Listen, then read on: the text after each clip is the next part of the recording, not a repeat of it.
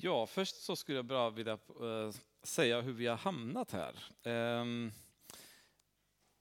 det har varit väldigt mycket eh, prat och predikan i kyrkan, mycket uppmaningar från fler och fler, inte minst Inga-Lill i morse. Eh, gång på gång på gång, vi ska använda våra talanger, vi ska använda våra talanger. Och jag har suttit där i bänkarna och lyssnat och tyckt att ja, men det låter ju vettigt, det låter ju vettigt. Då. Det ska man ju väl göra, eller hur? Ehm, men sen vet jag, jag är helt övertygad om att jag, jag har fått en talang från Gud som har legat latent väldigt länge och inte blivit använd till någonting. Därför att jag är upptagen, jag har ett jobb, det tar ganska mycket tid. Och förresten är inte mitt liv och min relation med Gud så bra som det var en gång i tiden. Så jag kan inte heller medverka så mycket för honom. För att jag måste vänta tills jag blir tillräckligt andlig, tills Eh, jag växer upp i tron mer, till jag eliminerar vissa synder som jag brottas med och så vidare. Och när jag kommer dit, då, då kan jag kanske börja använda min talang igen. Då. och sen, eh, samtidigt som i bakhuvudet så känner man bara mer och mer bara växa att jag, jag, jag måste, jag måste, jag måste. Och sen hade Patrik en predikan en förmiddag här som jag satt i bänken och det var som att han bara stod och hamrade liksom på, på alla de argument som jag hade byggt upp. Att eh, det är inte dags än, jag får vänta. Ungefär som Mose i öknen. Jag får vänta i 40 år så Gud tar hand om mitt liv och sen kanske går vi vidare till verket. Då. Men eh, det var en kombination av den känslan av att man vill ju gärna komma igång och sen det andra som jag kände mer och mer, att vi börjar missbruka söndagen till allt möjligt annat än att vi har dagen för Gud, som det var förr i tiden. Här hos er, även när jag kom till Sverige 96, då var det två gudstjänster vi hade på söndag. Um, och det var ju förr i tiden så, jag är uppvuxen, samma sak där, tre timmar gudstjänst på förmiddag, två timmar gudstjänst på eftermiddag. Det var fantastiskt, hela dagen var Guds söndagen då. Ehm, och jag har tänkt på mig själv att eh, eftersom söndagen inte är använd hela dagen längre, vad gör man med resten av dagen? Tittar på tvn, går ut och tar en utflykt, tar en cykeltur, ehm, um, ja, går på något kalas, ehm, um, etc. Andra kanske drar iväg på en konsert någonstans. Magnus Uggla kanske spelar någonstans, då åker vi dit och lyssnar på musik istället och så vidare. Och och är det meningen att det ska vara så kände jag, nej men det kan inte möjligen vara. Söndagen är ju Guds dag. Det är då vi ska samlas och ge det till honom. Och jag sa till Patrik att jag fick en väldigt stark känsla när vi började prata om väckelse. Så kände jag att ett steg vi behöver ta, det är att vi återtar söndagen. Vi återtar den dagen för Gud då. Och att vi återstartar kvällsgudstjänsterna. Och formen och hur det ska gå till, det kan vara diskutabelt, men jag bara kände att det, vi måste ju komma igång med det igen. Eh, och det, det är på det viset så det gick. Och eh, jag har känt att nej, men det, det vore jättebra att dra igång. Sen är det en annan sak som, som har legat över mig hela tiden och det är att väldigt många, när de tittar över en församling, så ser de massa människor som eh, inte har Gud, inte känner Gud och behöver Gud. Eh, ofrälsta människor som behöver bli frälsta. Och det är ju den klassiska evangelisten. Var man än vänder huvudet så ser han en människa som, jag måste frälsa honom, jag måste frälsa honom, henne också, alla. Och det är ju liksom nöden över de förlorade människorna som måste möta Jesus. Och även om den finns eh, till viss mån i mitt liv också, ehm, för mig har det oftast varit att när man har gått, när man sett över en församling, det jag alltid sett framför mina ögon, det har varit frälsta människor som behöver växa.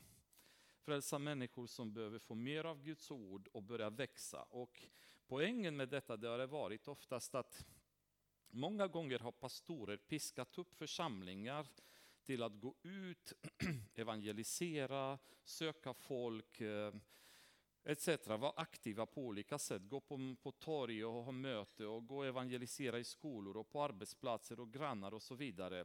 Och man har ju uppmanat gång på gång på gång på gång på gång församlingen att kom igen nu, gå ut och predika Guds ord. Ehm, men får som är utmedlade och sjuka, de kan inte föda lamm. Det kvittar hur mycket man piskar på dem eller hur mycket man slår dem med käppen, så kommer de inte föda lamm. Utan för att får ska börja föda lamm så måste fåren börja äta, växa, bli friska och då blir det lammfödandet naturligt. Det är dessutom fåren som gör det. För många gånger kanske sitter vi i bänkarna och tycker att Patrik ska dra igång och frälsa stöpen. Det är inte, inte han, utan det är vi som ska göra det som är med i församlingen. För det är vi som är fåren. Han är herden, han leder oss, han tar hand om oss, han matar oss, ger oss vatten och så vidare. Men det är vi som föder lammen. Och därför har jag känt, eh, med tanke på mycket det som händer i församlingar, att man ser människor som har varit i kyrka i 10, 15, 20 år och plötsligt bara totalt spårar ur eh, på märkliga sätt då, så har man känt hur, hur har deras andliga mognad varit? Har man varit annat än en andlig bebis i de här åren? Man har varit, man har kört sångerna, segertonerna, lyssnat på predikan, ätit kakorna, välsignat någon och ropat halleluja på något möte. Men räcker det? För att klara sig i längden med Gud? Eller krävs det mer? Måste vi börja mata oss med vettig mat och börja växa i tron? Så det är lite bakgrunden till, till att jag känt att eh, jag skulle inte vilja att det händer vår församling mer, inte våra ungdomar, inte de som växer i församlingen, att de växer och missar detta, utan att man, vi får en möjlighet att börja växa tillsammans. Och jag har känt väldigt stort förtroende för det Patrik har dragit igång och det känns att äntligen um, det, är på, det är på G. Vi är på god väg och nu ska vi hamra järnet när det är varmt, liksom, allt vi bara kan. Eh, och då har jag hamnat på Daniel, vilket är ju en av mina favoritböcker i Bibeln utav flera anledningar. Dels för att den är väldigt rik i väldigt mycket information. Men också därför att det är en väldigt bra kombination mellan praktiskt, skulle vi kunna säga kristet levande, och eh, profetiera om sista tiderna. Båda två grejer som jag känner vi kommer ha väldigt stor nytta av som församling. Eh, och även våra ungdomar eftersom vi kommer prata om en kille som är någonstans, tror man, mellan 13-17 år gammal. Där någonstans är Daniel när boken börjar. Så det är en, en kille i samma ålder som våra, som våra ungdomar är idag. Ehm, och eh, en rumänsk pastor beskrev Danielboken en gång så här att i början så kommer ni älska det. Ehm, I mitten så kommer ni börja ni bli uttråkade. Och på slutet så kommer ni bli dödsförskräckta. Så det var hans beskrivning av Danielboken. Då. Jag ska försöka att inte göra det så, så tråkigt i mitten och inte skrämma er så mycket på slutet heller. Då. Eh, och det lär nog inte vara svårt att inte göra det, för det är helt, helt fantastiska grejer. Då. Men eh, vi kan börja läsa och tanken var egentligen idag, alltså det sätt som jag tänker, det är liksom ingen utan i princip klocka predikan. Märker man att ah, klockan har gått för långt, då stannar vi. Eh, ingen press att ah, nu måste jag hinna med det här idag och det här måste, nu ska jag plåga er rakt igenom tills jag är klar. Utan eh, helt enkelt, när man märker att ah, men nu har tiden gått, resten tar vi nästa gång och så vidare. Så det blir avslappnat och enkelt och ingen ska känna att man blir kallsvettig för mötena blir för långa. Då. Eh, och idag hade jag tänkt mig från början halva Eh, första kapitlet att vi skulle kunna hinna gå igenom, men det fanns inte en chans. Så att vi kommer stanna bara vid första två verserna. Men jag, men jag lovar att det inte kommer gå så långsamt sen, utan vi kommer accelerera lite mer.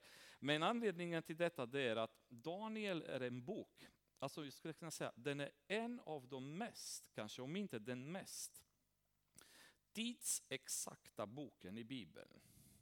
För att kunna förstå framförallt eh, kapitel 2, och sen vidare när vi hoppar till kapitel 7, 8, 9, 10, 11 och kanske till och med 12 till viss del, så måste man förstå det historiska sammanhanget som Daniel eh, tar plats då i. Därför att då, fatt, då hänger man inte i när det börjar kalkylerna, när han börjar säga 70 veckor hit och 30 dagar dit och så vidare. Man måste veta från vilka tider till vilka tider man räknar och hur för att kunna få fram. Eh, man kan bara som en smakprov kan man säga att Danielboken är den bok som profeterar, profeterar den exakta dagen när Jesus kommer in i Jerusalem på palmsöndagen. Exakta dagen är profeterat utav Daniel i boken. Så den, eh, den precision med vilken han, han profeterar är helt fantastisk. Och det finns ju en trend som man kommer se genom hela boken. Inga profetier i Danielboken är generella, oklara, odefinierade, utan de är tydliga, väldigt, väldigt tydliga, väldigt, väldigt exakta profetier. Och därför kände jag, för att komma dit, så kan vi bara få lite, lite historiskt sammanhang. Carolina varnade mig att jag ska inte, jag ska inte gå för djupt in i historia så att jag skonar de som inte orkar med det. Då. Så jag ska försöka att göra det så, så glatt och så trevligt som möjligt då, så att ni kan hänga med och ändå tycka det, det är hanterbart. Då. Vi kan läsa från kapitel 1. I Juda, kung Joakims tredje regeringsår, kom Nebukadnessar, kungen i Babel, mot Jerusalem och belägrade det. Och Herren gav Joakim, kungen i Juda, i hans hand, liksom en del av kärnen i Guds tempel, och Nebukadnessar förde in dem i sin Guds hus i Sinjars land.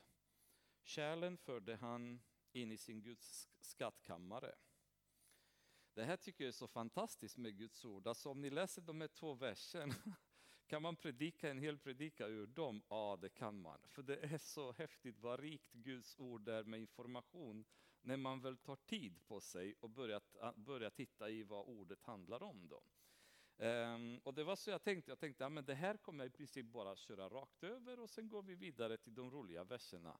Men sen när jag började gräva så kände jag bara wow, här är ju tungt. Så vi ska börja titta lite bara på, på det. Um, ni vet att i, långt tillbaka i tiden, under, i kungaböckerna, då, så delades Israel som befolkning då i två delar. där tio utav stammarna eh, så att säga, gick sin egen väg, därför att de var lite halvintresserade av att tillbe andra gudar och ehm, idolatrin hade börjat komma in i landet och avgudadyrkan och olika gudar blev populär då i de delarna av, av stammarna. Medan juda och eh, leviterna, de var inte särskilt sugna på det då, utan de ville fortsätta och var trogna Gud. Då. Då splittrades hela nationen, tio gick sin egen väg och körde sin egen race. De andra två blev kvar. Ehm, År 722 f.Kr. så invaderade assyrierna eh, de norra delarna, det vill säga de befolkade av Israel. För sen kallades de två delarna Israel och sen var det Juda, där de två andra stammarna var med. Så Israel invaderades av assyrierna och eh, i princip ockuperades. De fortsatte sen som eget territorium och hade viss autonomi, men de var ju ockuperade av assyrierna. Eh, och togs till fångenskap. Eh, 722 f.Kr. Därefter så började väldigt många profeter varna Juda att samma öde kommer ni gå till mötes om ni inte skärper er. Därför att nu började avgudadyrkan krypa in i Juda också. Och kung efter kung efter kung som kom till makten visade sig inte följa Gud längre, strunta i, i lagen, eller det vill säga Guds bok, och fortsätta med olika eh, vanor som nationerna runt omkring hade och eliminera mer och mer den rätta eh, tron då, som Gud hade gett dem. och profeterna hade börjat varna om detta gång på gång på gång. Och då kommer vi till vers 1 då när kung Nebukadnessar kommer och belägrar Jerusalem. Eh, Nebukadnessar på den tiden var egentligen inte kung, det här var ju eh, under Jerusalems beläggning. Eh, det är i princip då han blir kung, kan man väl säga. Hans pappa heter Nabopolassar. Och det var hans pappa som hade inlett en invasion med syfte av att eh, eh, belägra eller ge sig på egyptierna. Och därför tog jag den här kartan bara så ni har lite koll. Där har man eh, det egyptiska imperiet som dessutom dominerade eh, de territorier kring Jerusalem där Juda befann sig. Här har vi Babylon. Så Nabopolassar inledde en kampanj med syfte av att attackera Egypten. Men han går uppåt eh, där det var säkra territorier där eh, assyrierna dominerade hela det här området. Eh, norra, man kan säga norra Syrien idag, östra Turkiet. Så de tar sig hitåt. Um, Farao Neko, det står i kungaboken bland annat om honom, han bestämde sig att dra uppåt för att möta babylonierna någonstans i de trakterna. Men på vägen dit, här i Megiddo, där möter han kung Josia i Bibeln. Kung Josia det var en av de få kungarna i kungaboken som gjorde rätt inför Gud, står det. Nästan alla andra kungarna, det står att de har gjort ont i Guds ögon. De har gjort ont, det ena värre än den andra. De offrade barn, de tillbad alla möjliga typer av gudar. De hade tagit bort ehm, så att säga, eh, den riktiga läran och byggde, byggde altare på alla möjliga kullar och tillbad alla möjliga gudar. Då. så i det här kaoset på kung Josias tid, när de i princip städar, kan man säga, om man läser i Kungaboken 23, så håller de på att städa eh, i templet. Och medan de städar däromkring så hittar de en bok. Och när prästen Hiskias öppnar boken och börjar läsa, då kommer han på, det här är lagboken. Alltså kan ni fatta, så det var som tiotals, hundratals år hade gått och Bibeln hade försvunnit om vi tänker så. Ingen visste ens att det fanns.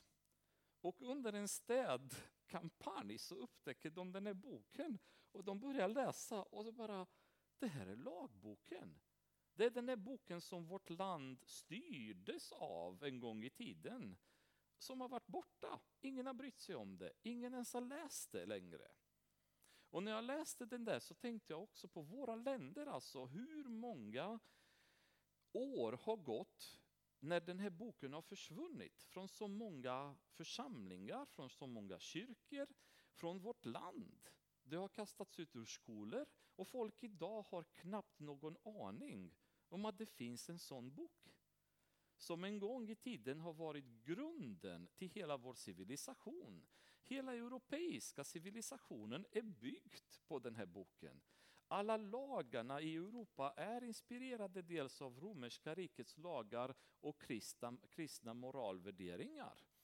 Hela rättssystemet i Europa är baserat på den här boken, men den här boken har eliminerats ur skolor, ur politikernas liv, ur ländernas styre, ur domstolarna, överallt. Det är bara få församlingar och få människor som fortfarande hänger kvar och har den här boken och använder det som sin guide. Och den förödelse som skapades i de här länderna berodde bland annat på att Bibeln hade slängts ut, eller torra på den tiden, eller det heter väl något annat, det var inte ens torra än då. Utan det var lagboken som det heter då i Kungaboken 23. De hittade den här boken och Hiskia, eller Josia som var kung, han blev helt skakad.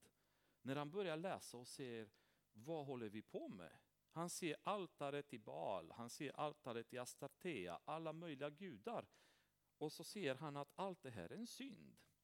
Så då beordrar han att alla altare i, i, i, i Juda ska rivas ner. Allting ska bort. Han rensar landet på hela avgudadyrkan och återinför lagboken i landet då. Och därför beskriver Bibeln honom som en kung som gjorde det som var gott i Guds ögon. Han omvände hela nationen tillbaka till Gud. Men Eh, det, det, går aldrig bra för länge kan man väl säga och det vet vi också från våra egna församlingar. att Det kan ju vara perioder av lite entusiasm och lite eld och lite väckelse och sen bara poff så faller man ner platt fall. Då. Och i det här fallet så när farao Neko kom då och mötte eh, Josia här vid Megiddo, då blir Josia sårad. Han transporteras från Megiddo eh, snabbt därifrån till Jerusalem ehm, för att få vård. Men han dör när de kommer till Jerusalem. Och eh, därefter så kommer hans son Joahas till makten eh, som beskrivs som, som en som gjorde ont i Herrens ögon. Så han direkt vände tillbaks till avgudadyrka. Som tur är så hängde han inte mer än kanske ett par månader till makten innan farao Neko var missnöjd med honom Eh, tog honom till fånga och släpade honom in till Egypten. Och då kommer hans bror istället till makten som vi möter här i första kapitlet i, i Daniel, Jojakim. Och då var det Jojakim med andra ord, han är ju son till Josia, en av de trevligaste kungarna kan man väl säga under kungatiden.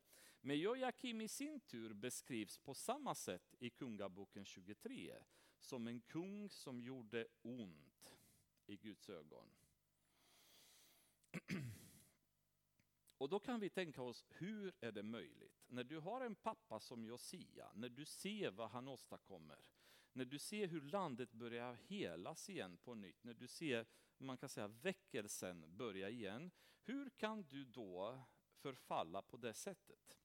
Och man brukar säga att konditionen är en färskvara, alltså om du inte tränar så tappar du konditionen. Tron är en färskvara och den går inte att ärva.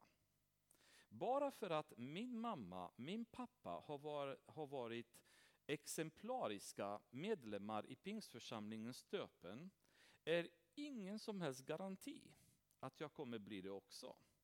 Det kan bli precis tvärtom. Det kan bli att det spårar ut som aldrig förr för mig. Därför att för att jag ska kunna leva nära Gud, då måste jag ta ansvar för mitt eget liv och börja följa Guds, eh, Guds lag, eller Guds ord i det här fallet. Jag kan inte förlita mig på att min mamma och pappa de är trogna och de är trevliga och jag, jag halkar med på en bananskal. Även om Gud lovar flera gånger i Bibeln att han kommer välsigna de hem där någon är trogen i det hemmet. Men relationen med Gud och frälsningen är en individuell sak. Och jag tror att ni många känner, i Rumänien är det nästan en klassiker, att nästan alla pastorsbarnen blir helt åt andra hållet. Alltså de blir kriminella och de stjäl och de blir korrupta och allt möjligt. Och man bara fattar inte när deras pappa är så fantastisk predikant och underbara människor. Hur kan sonen bli så här? Och jag tror det beror på att djävulen eh, attackerar de familjerna extra hårt.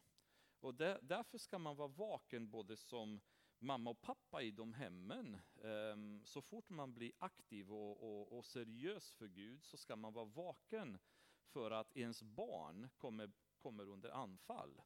Men också barnen själva. Alla, alla barn bör vara vakna för detta att djävulen kommer angripa dem. Och då ska man börja skapa rutiner och man ska börja leva rätt. Och vi kommer se exempel där sen i Daniel med en person som har gjort detta i tidig ålder och hur det gick för honom då. Men uppenbarligen, det här var inte fallet med de här killarna. Både Joahas och Joakim, Joakim de bara spårar ut totalt och gör ont, det som var, det som var ont i Guds ögon.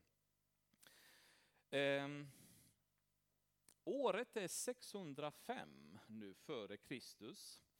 Då drar Nabopalassar med en stor armé härifrån Babylon, drar uppåt. Och här, vid Karkemish, så möter han farao Neko. Farao Neko var lite försenad eftersom han hade trott att han skulle komma mycket snabbare och möta dem här uppe. Men på grund av att Josia mötte honom vid Megiddo så blev han mycket mer försenad på grund av striderna där. Men efter han var klar i Megiddo, då drog, drog han upp till Karkemish här. Och även i historieböckerna är slaget vid Karkemish en av de absolut häftigaste i antikvärlden, därför att det mötes två megaimperier på den tiden, det babyloniska riket och egyptierna, i en och samma strid. Ehm, det slutar med att Eh, eh, Nebukadnessar, som var general på den tiden i Nabopalassars armé, eh, han visade sig vara en extrem strateg, strateg. Det finns väldigt många beskrivningar i hur den här striden gick till, men tack vare honom kan man säga att till viss del så vann babylonierna över egyptierna och krossade arméerna och fortsatte därefter att förfölja egyptiska arméerna neråt. Och när de närmar sig Jerusalem, alltså kolla här, det här är ju, vi pratar avstånd på typ 2000 kilometer, 200 mil ungefär. Så det var ju i öknen i flera års kampanjer de drog iväg. Idag liksom om jag är borta lite för länge från jobbet så undrar Carolina var jag tagit vägen. Då så fattar kvinnorna på den tiden liksom, när kommer du hem älskling? Ja, om fem, sex år kanske i bästa fall. Liksom. Vi får se om jag ens kommer hem. Så det var, alltså man tänker på, på den tidens um, sätt att, för, att förflytta sig. Och det är helt obegripligt att arméer på tiotusentals soldater kunde förflytta sig på, på det sättet genom ökenterräng och, och de här karga områdena. Men de kommer ner till Jerusalem här. Och eh, utanför Jerusalem så bestämmer sig Nebukadnessar att han, han inledde en eh, beläggning av Jerusalem. Och det är lite oklart egentligen hur judarna placerade sig relationsmässigt. För de var lite halvt om halvt under farao Nekos eh, styre då. Men samtidigt Josia, han, är ju, han tyckte inte om Nekos och de möttes och slogs med varandra då. Så av att döma från historien, enda anledningen till att Nebukadnessar var intresserad, intresserad av att belägra Jerusalem, det var på grund av rikedomarna. Det var stora rikedomar som man ville åt i, eh, i staden. Och då var det ju eh, år, år 605 som sagt, att eh, de bestämmer sig att inleda belägringen. Vers 2 säger så här. Och Herren, Herren gav Jojakim, kungen i Juda, i hans hand, liksom en del av kärlen i Guds tempel och när Nebukadnessar förde in dem i sin Guds hus i Sinjars land. Kärlen förde han in i sin Guds skattkammare. Det är väldigt intressant när vi läser historia från ett bibelperspektiv. För ingenstans i skolan, när jag gått i skolan, har någon sagt till mig att det var inte Nebukadnessar som besegrade Jojakim, utan det var Herren som hade tillåtit honom att besegra Jojakim, att inta Jerusalem. Och det är det sammanhanget som vi som kristna kommer se nu när vi går igenom Daniel, för Danielboken ska ni veta är en av de böcker som används mest utav även sekulära historiker för att få information om Babylon och Nebukadnessar. Därför att det är så mycket skrivet här som inte går att hitta någon annanstans. Men vad de glömmer att ta med i skolböckerna efter de plockar information från Daniel, det är Guds närvaro. Och hur Gud har styrt hela processen själv. Och vi kommer se varför är det så viktigt att förstå att det var Gud. För det handlar inte bara om att Nebukadnessar blev lite sugen på rikedomarna och så bara råkade bli så att Jerusalem var på vägen. Och vi tar det, för de har lite skatter i sin tempel och så, sitt tempel och så har de lite annat. Det är lika bra vi passar på. Det finns orsaker till att det här har inträffat. Ehm, en orsak är, är den upp, profetians uppfyllelse. Hela den här händelsen har profeterats utav Jesaja ungefär hundra år före. Låt oss öppna Eh, Jesaja 39 kapitel.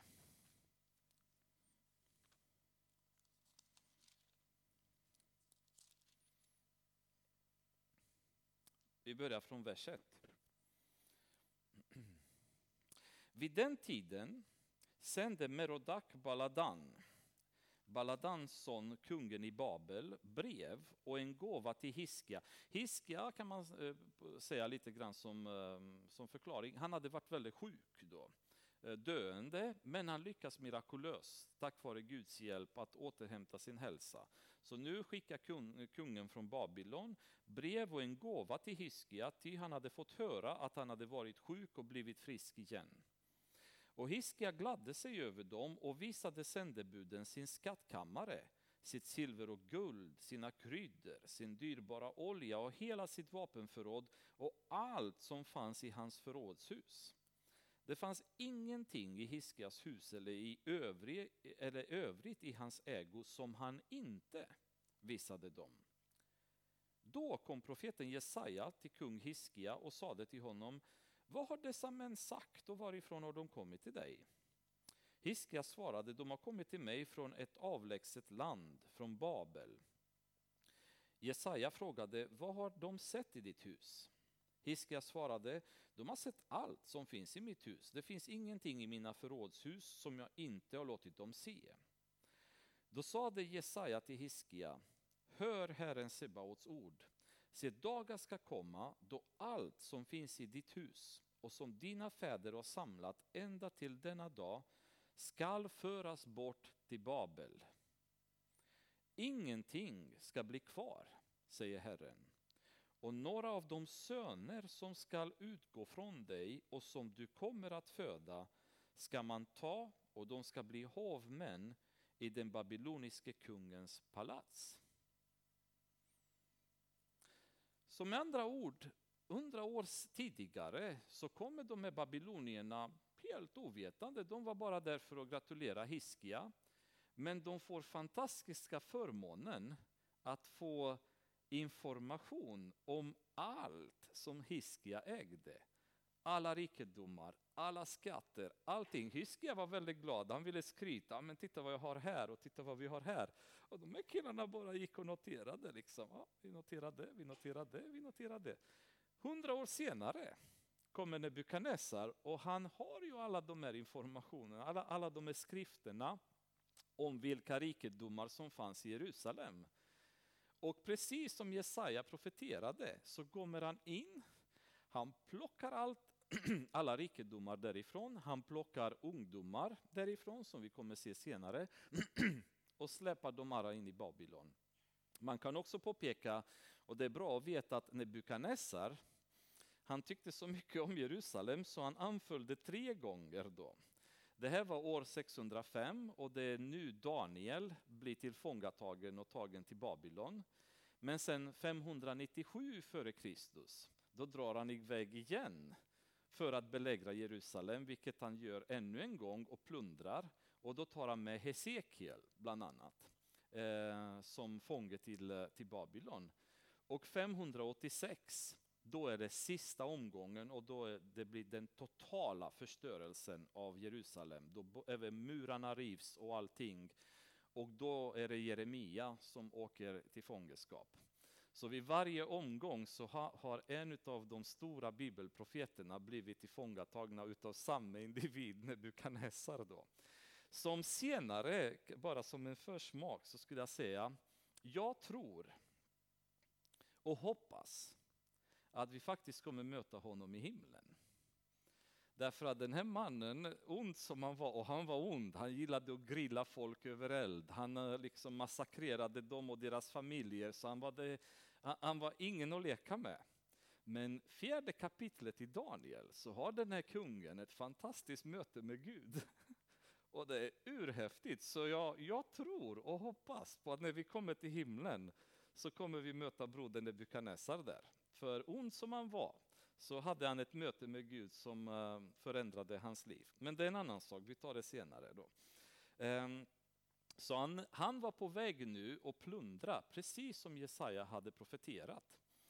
Ehm, dessutom, och här är ju lite mer intressant, vi kanske kan läsa det, för jag tror det är bra att ha det. Jeremia 34 kapitlet. Nu blir det lite så här gammaltestamentalisk, klassisk, läsa fram och tillbaks profetier och detaljer som, som är lite motigt ibland, men det är så häftigt när man får ihop dem. 34 kapitlet, vers 12. Då kom Herrens ord till Jeremia. Han sade, så säger Herren Israels Gud, jag slöt ett förbund med era fäder när jag förde dem ut ur Egyptens land, ut ur träldomens hus. Jag sade, när det har gått sju år ska var och en av er frige sin hebreiske broder som har sålt sig åt dig och tjänat dig i sex år. Du ska då släppa honom fri ur din tjänst, men era fäder lyssnade inte på mig och vände inte sina öron till mig. Ni har nyligen vänt om och gjort det som är rätt i mina ögon, då ni utropade frihet var och en för sin broder. Ni har slutit ett förbund om detta inför mig i det hus som är uppkallat efter mitt namn, men ni har ändrat er och vanhelgat mitt namn. Var och en har tagit tillbaka sin slav och sin slavinna som ni hade släppt fria enligt deras önskan. Nu har ni tvingat dem att bli era slavar och slavinor igen. Och sen fortsätter man vidare till vers, eh, eh vers 22. Och Gud berättar att nu kommer jag straffa er för detta. Vad har detta att göra med Daniel? Jo, eh, under en lång tid, under kungabokerstiden, och det, det dyker upp under flera tillfällen, Judarna struntade i Guds regel om den, det sabbatiska året. Det vill säga var sjunde år ska du inte plöja dina fält. Var sjunde år ska du fria dina slavar och så vidare. Och det gjorde de inte, utan de började odla all in. Varje år så odlade de, de släppte inte sina slavar var sjunde år så som Gud hade sagt. Och detta har pågått i 490 år. Har de struntat och, och uppfylla Guds um, bud kring detta? I 490 år. 490 delat med 7, vilket är var, var varje sabbatiska år, var sjunde år, är 70. Vet ni hur länge judarna har varit i fångenskap i Babylon? 70 år. I 490 år har ni struntat i mitt sabbatiska år. Ni har praktiserat avgudadyrka i Israel. Eh, ni har totalt glömt mig under 490 år. Då ska jag skicka er i 70 år som straff. Ett år för varje sabbatiska år som ni inte uppfyllt så ska jag skicka er till avgudadyrkans centrum. Är det så ni vill leva? Varsågod. Dit ska jag skicka er. Där ska ni få ha roligt, där ska ni få tillbe precis det ni har önskat och längtat att få tillbe. Och där ska ni få lära er vikten av att hålla mitt bud. Och det är det som jag tycker är så fascinerande med Gud. I psalm 185 som eh, Emma läste i morse, som vi sjunger, eh, att Gud är eh, så rik på nåd och så sent i vrede. Alltså Gud är ju väldigt rik på nåd. I 490 år har han väntat och väntat och väntat på att de ska omvända sig. När Josua-arméerna börjar inta Jeriko och de börjar massakrera kananiterna. Alltså Gud säger att inte en enda ska komma levande när de hade vissa strider de, de gick igenom. Så sitter folk som inte har något med Gud att göra och säger vilken hemsk Gud. Alltså alla, det gamla testamentet är så hemskt. Det bara dödar varandra hela tiden. Hur kan det här vara en kärleksgud? Men vad de missar är att de här människorna hade fått redan på Josefs tid, när Josef var i Egypten, så hade Gud varnat dem att om ni inte omvänder er, då ska jag straffa er. 400 år senare, när Gud bestämmer sig att mitt tålamod har tagit slut, då kommer straffet. Och folk säger, vad hemsk Gud är. Han är så hemsk. Nej, han är underbar nådig som väntar i 400 år på att de ska skärpa sig. Han väntar i 490 år på att judarna ska begripa att ni måste hålla det bud jag gett er. Hur många år behöver vi innan vi förstår att var sjunde dagen är en vilodag? Vi kristna. Hur många år behöver vi för att förstå detta? Det var en promenad idag, gick genom Stöpen. En person som var kristen var ute på trappan och höll på att hamra och bygga trappa vid huset eller vad han nu gjorde. Jag bara tänkte, men det är söndag. Men sen kan jag sitta framför datorn och svara på mejl till mina kunder. Men det är söndag. Det är vilodag. Och Gud har sagt, alltså det är ett av de tio buden. Det är ett av de tio buden på samma nivå som du skall icke mörda, du skall icke stjäla, du ska liksom inte håna mitt namn etc. etc. Du ska hålla vilodagen. Men vi gör inte det. För att på något sätt vi, har trott, vi tror att vi har fått dispens. Att Gud, han är ju så snäll Gud och han, han förstår. Det är 2018, vi har andra typer av jobb idag. Vi, det är annorlunda tid nu än det var förr. Det är klart vi måste jobba söndagar och så vidare. Ehm, men han säger att du ska ha en vilodag. Och det på något sätt så har det förlorats. Liksom. Det är därför jag kände också att vi måste återta söndagen som Guds dag. Och det kanske blir inte att vi vänder oss över en dag eller att mirakel sker, men vi måste ta steg åt det hållet. Där vi återtar den här dagen för Gud. Jag vet i Rumänien så var det eh, sjundedagsadventisterna, de var ju väldigt, väldigt noga. På lördag så rörde de inte ett finger. Och så var det på arbetsplatser, byggarbete och så vidare. Då visste alla att det inte är lönt att du tar in dem på lördag, för de kommer inte. Men de andra sex dagarna i veckan jobbade de som robotar. Alltså de var arbetsamma, de slet, men de gjorde det klart för deras arbetsgivare att förvänta inte dig att vi dyker upp på lördag. Och det visste man. Och intressant nog så accepterade arbetsgivaren detta, att de kommer inte på lördag. Men de var fantastiska arbetare de, de andra dagarna i veckan. De bevisade sin tro och sin seriositet gentemot sin arbetsgivare. Men de krävde arbetsgivaren att de ska respektera deras tro. Att på lördag kommer vi inte på jobbet, så enkelt är det. Och det gjorde de inte. Och det är möjligt, uppenbarligen. Så jag tror också att vi, vi tror att om vi lever i synd och Gud inte straffar oss så betyder det att han tolererar vår synd. Men det gör han inte. Han tolererar inte vår synd. Men han har tålamod och han har nåd och han har kärlek och han hoppas och han hoppas och han hoppas att vi kommer förstå och skärpa oss. Men man ska inte tro att man kan pusha Gud för evigt till att acceptera vårt sätt att, att håna honom eller att ignorera honom. Därför att som kärleksfull far så vet han att om vi våra barn inte, eh, hans barn inte blir bestraffade så blir det inget bra. Och, och det är det som jag tror att i församlingar idag har Gud, det, han har blivit så mycket vår kompis. Jesus han är snäll och alltså bara en enkel sak. Jag sitter många gånger på, eh, i kyrkan när vi ber och jag hör vi tackade Jesus, vi tackade Gud, vi tackade Jesus, vi tackade Gud. Fantastiskt. Men jag hör väldigt lite Gud förlåt oss våra synder. Väldigt lite. Och det har jag reagerat på väldigt många gånger.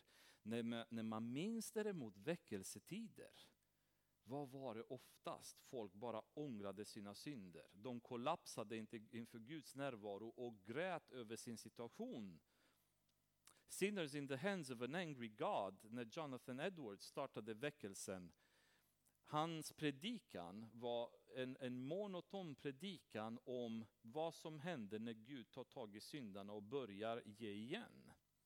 Och det var en predikan som han, han predikade, inte ens med någon intonation, för han ville inte påverka budskapet. Och det var, ni kan läsa, det finns på nätet, predikan Resultatet av det blev starten till en stor väckelse. Och den här inställningen att Gud älskar oss, men Gud är också helig. Vad är det som har hänt med Guds fruktan?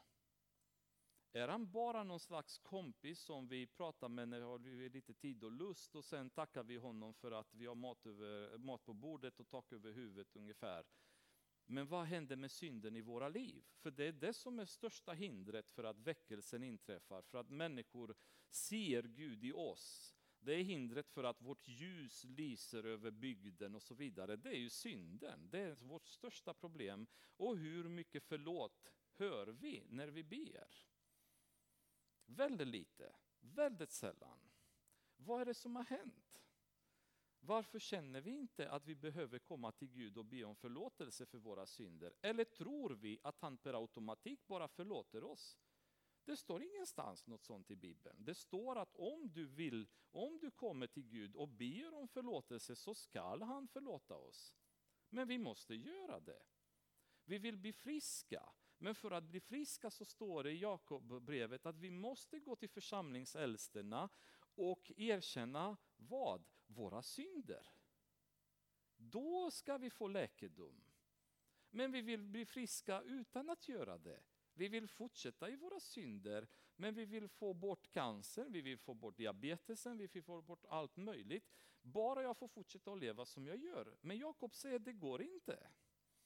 För att du ska kunna få läkedom så måste du gå till församlingsäldsten och erkänna dina synder. Gå till varandra och öppna er för varandra och be om förlåtelse till Gud. Om mitt folk som är kallade efter mitt namn skall ödmjuka sig och omvända sig från deras synder, då ska jag bota deras land, säger Gud. Inte bara för att jag kommer bota deras land för att jag är så snäll, och det gör han många gånger. Men han säger, det här är ett löfte. Det andra gör han bara därför att han känner. Han gör precis vad han känner när, när han vill. Men löftet är att för att vi ska få läkedom så finns det den vägen vi ska följa. Och om vi gör det så har han lovat att han kommer ge oss läkedom. Och det backar han inte på. Det är ett löfte och Gud är densamme igår, idag, imorgon. När vi ödmjukar oss, när vi erkänner våra synder och omvänder oss för våra onda vägar, då kommer Gud lyssna på oss och då kommer han bota vårt land. Så jag tror att moderna församlingen har förlorat den här, den här vetskapen att Gud är helig. Och vi kan inte bete oss mot honom precis som det passar oss. Utan vi måste bete oss mot honom så som han har krävt att vi ska göra. Han har, han har lagt en hel bok med regler kring hur vi ska bete oss, vad vi ska göra, vad vi inte ska göra. Och majoriteten av det som står här är inte frivilligt, utan det är ett bud. Så här ska ni leva. Det här ska du göra. Det här ska du inte göra. Men vi tror att bara för att Gud inte han har inte gjort någonting så måste han uppenbarligen godkänna vårt sätt att leva. Annars hade han gjort något. Som någon har sagt, någon så ateist sa att eh, Eh, jag kommer förbanna Gud, om, eh, om, inte, om Gud finns då ska han slå ihjäl mig. Och så började han förbanna Gud och så hände ingenting. Och då sa han bara, det är klart bevis på att Gud inte finns. Och jag bara känner, vilken dåre, det här är klart bevis på att Gud älskar dig något så vansinnigt mycket. För hade jag varit Gud hade du inte funnits då. Men då hade inte jag funnits och då hade inte ni funnits heller. Det är det som är problemet. Tack och lov att han inte är som vi är då. Men hans tålamod, hans tålamod vet vi från Bibeln går till en viss gräns. Och då kommer konsekvenserna. Och man kan säga om man skulle kunna göra en titel för Danielboken, den bästa titeln för boken vore Inga kompromisser. Ni kommer se den röda tråden i den här boken hela tiden. Inga kompromisser.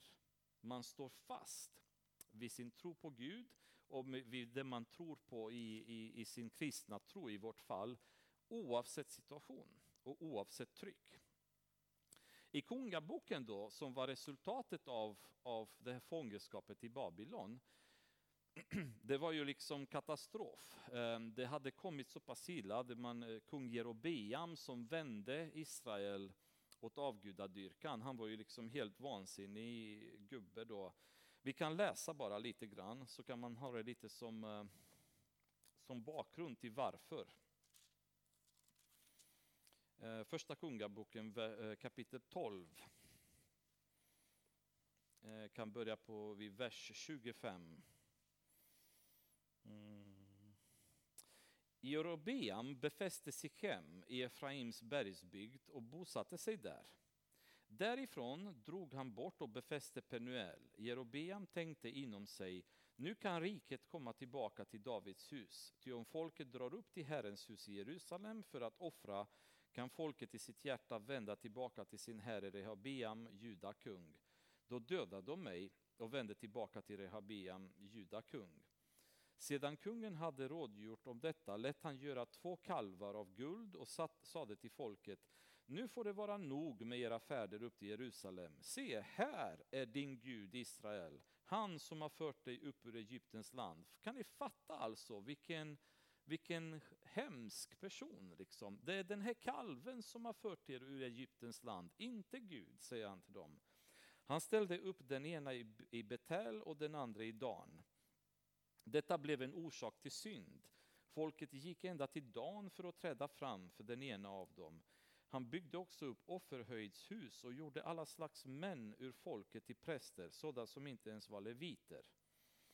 Um, vi kan gå vidare nu. Nu ty tycker vi det här är illa nog, men det är det inte. Vi kan gå till Kungaboken 16 kapitlet. Då har vi en annan eh, figur som heter Ahab och honom har ni träffat några gånger när vi har pratat om Elia och Baals profeten och så vidare. Det är samma, samma individ då som dyker upp igen. Eh, vers 26 kapitel 16. Ahab sägs det om, han gick i allt på Jerobeams, Nebats sons vägg och levde i de synder genom vilka denne hade kommit till Israel att synda, så att de väckte Herrens, Israels Guds vrede med sina tomma avgudar. Vad som, var mer, vad som mer finns att säga om Omri och vad han hade gjort. Nej, förlåt, det här var ju det var Omri. Förlåt, det var Omri, kung av Israel. Vad som kan sägas mer vad han har gjort. Eh, hans mäktiga gärningar, det är skrivet i Israels kungars krönika. Omri gick till vila hos sina förfäder och blev begravd i Samaria. Hans son Ahab blev kung efter honom. Och sen eh, kommer man till Ahab då. Och Ahab hade gjort, kan man säga, det mesta. Han, har, han beskrivs som bland det värsta utav de kungar som har levt i, i Israel. Så de här hade liksom infört en avgudadyrka utan dess like. Och detta pågått i många, många hundratals år. Och grejen är att när, när man börjar tillåta kompromisser i våra liv. Ehm, när man öppnar en liten, en, en liten, liten port någonstans ehm, så blir det mycket värre än vi hade tänkt oss. Och vi ser hela det här förfallet som Israel hade gått igenom och Juda. Men vad var egentligen det egentliga, den egentliga orsaken till detta? är faktiskt inte splittringen mellan Israel och Juda och det faktum att Jerobeam var rädd att folket skulle gå till Juda och tillbe. Orsaken var någon helt annan. Och ni kommer knappt tro vilken orsaken var. Orsaken är kung Salomo. Världens visaste man som eh, hade inlett sin karriär med en fantastisk relation med Gud. Och Gud hade gett honom vishet och rikedomar som ingen annan någonsin hade haft förut. Men vi kan läsa lite grann vad som hänt i Kungaboken, elfte kapitlet, första Kungaboken där. Ehm, en väldigt tragisk situation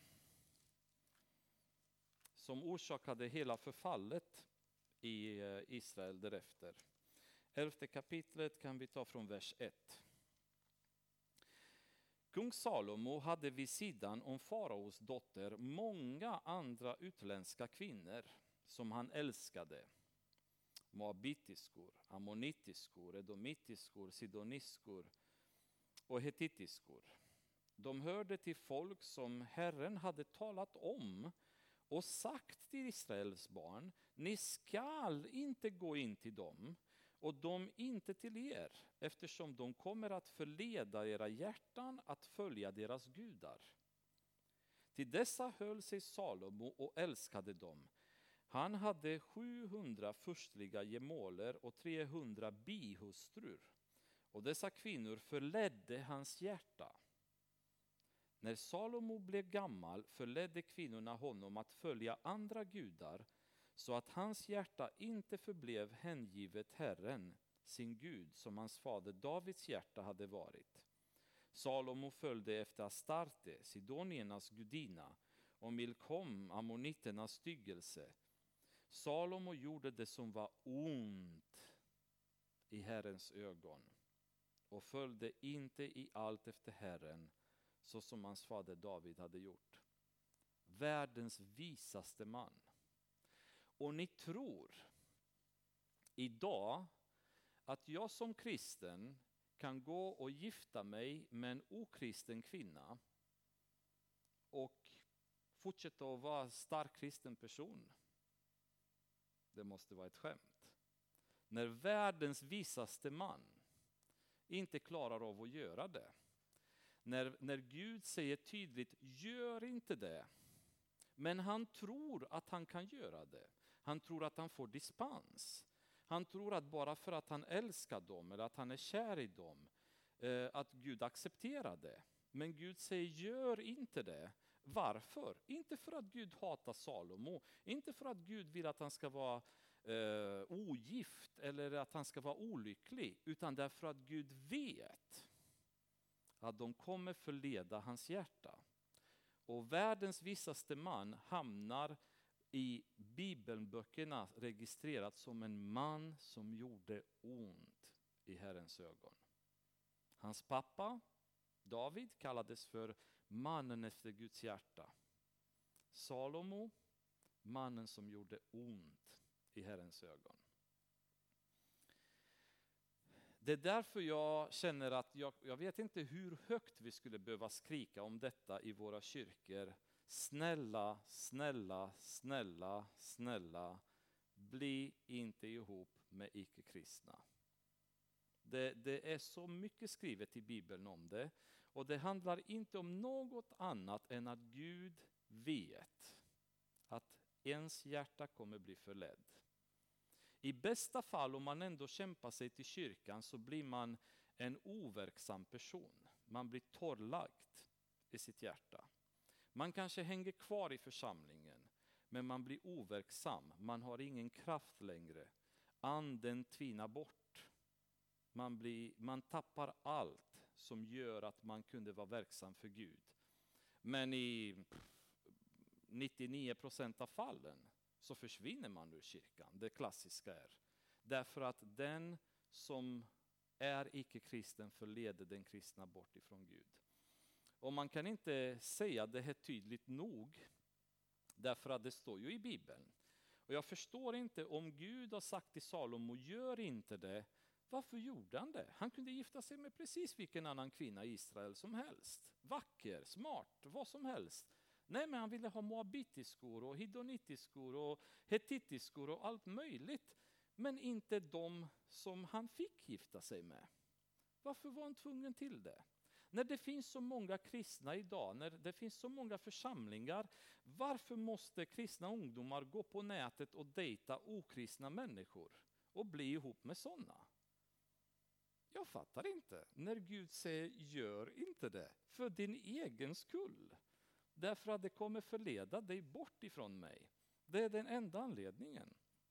Så det är så viktigt att förstå att man har öppnat upp dörren där. Salomo hade en bra relation med Gud tills, ända till slutet av sitt liv. Och där öppnade han porten. Där släppte han ner gardet.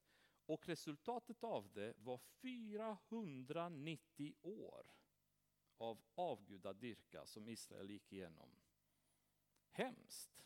Men allting började med att han en gång bestämde sig att inte göra det som Gud hade sagt till honom att han inte skulle göra. Jag tycker att vi i våra församlingar i avslutning kan säga att vi har öppnat dörrarna till väldigt mycket nu. Jag vet när jag kom till Sverige så brukade jag gå till Kerstin Johansson ibland och prata med henne för jag saknade liksom ja, stabila människor som man kände i Rumänien som var lite andliga stöttepelare för mig. Jag var ändå rätt ung, 22 år gammal, så man var lite beroende av lite äldre andliga figurer. Och, um, jag upplevde Kerstin Johansson som en sån riktig bönekvinna som verkligen eh, gammaldags kristen, alltså som verkligen var noga med att, stå fast vid Gud. Så jag brukade ibland gå till henne på dagarna och hemma hos henne satt och pratade om allt möjligt. Då.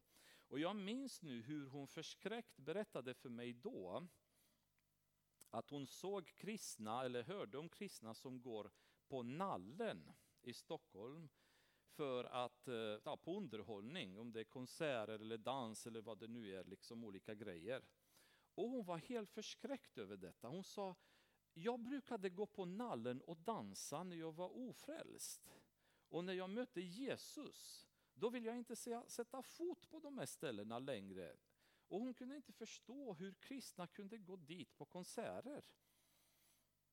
Och samma sak så tänkte jag idag hur mycket vi öppnar dörren för i våra församlingar. Vi har öppnat dörrarna för, för samborelationer, vi öppnar dörrarna för eh, äktenskap mellan kristna och okristna. Vi öppnar dörrarna för homosexuella pastorer. Vi öppnar dörrar för drickande i kyrkan. Det är okej okay att dricka sprit, det är inga som helst problem. Vi öppnar dörrarna för för allt i princip. Allt som världen gör så börjar vi öppna dörrarna för våra församlingar, att vi ska göra samma sak.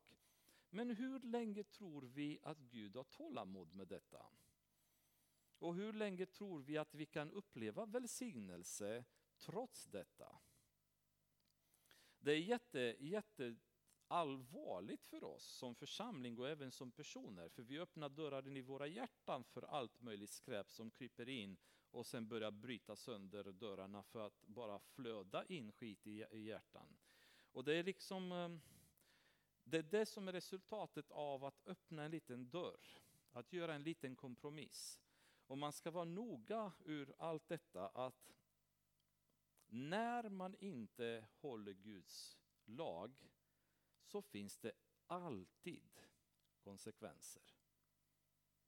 Ibland är de väldigt allvarliga, ibland är Gud nådig och låter oss komma undan med ganska lite.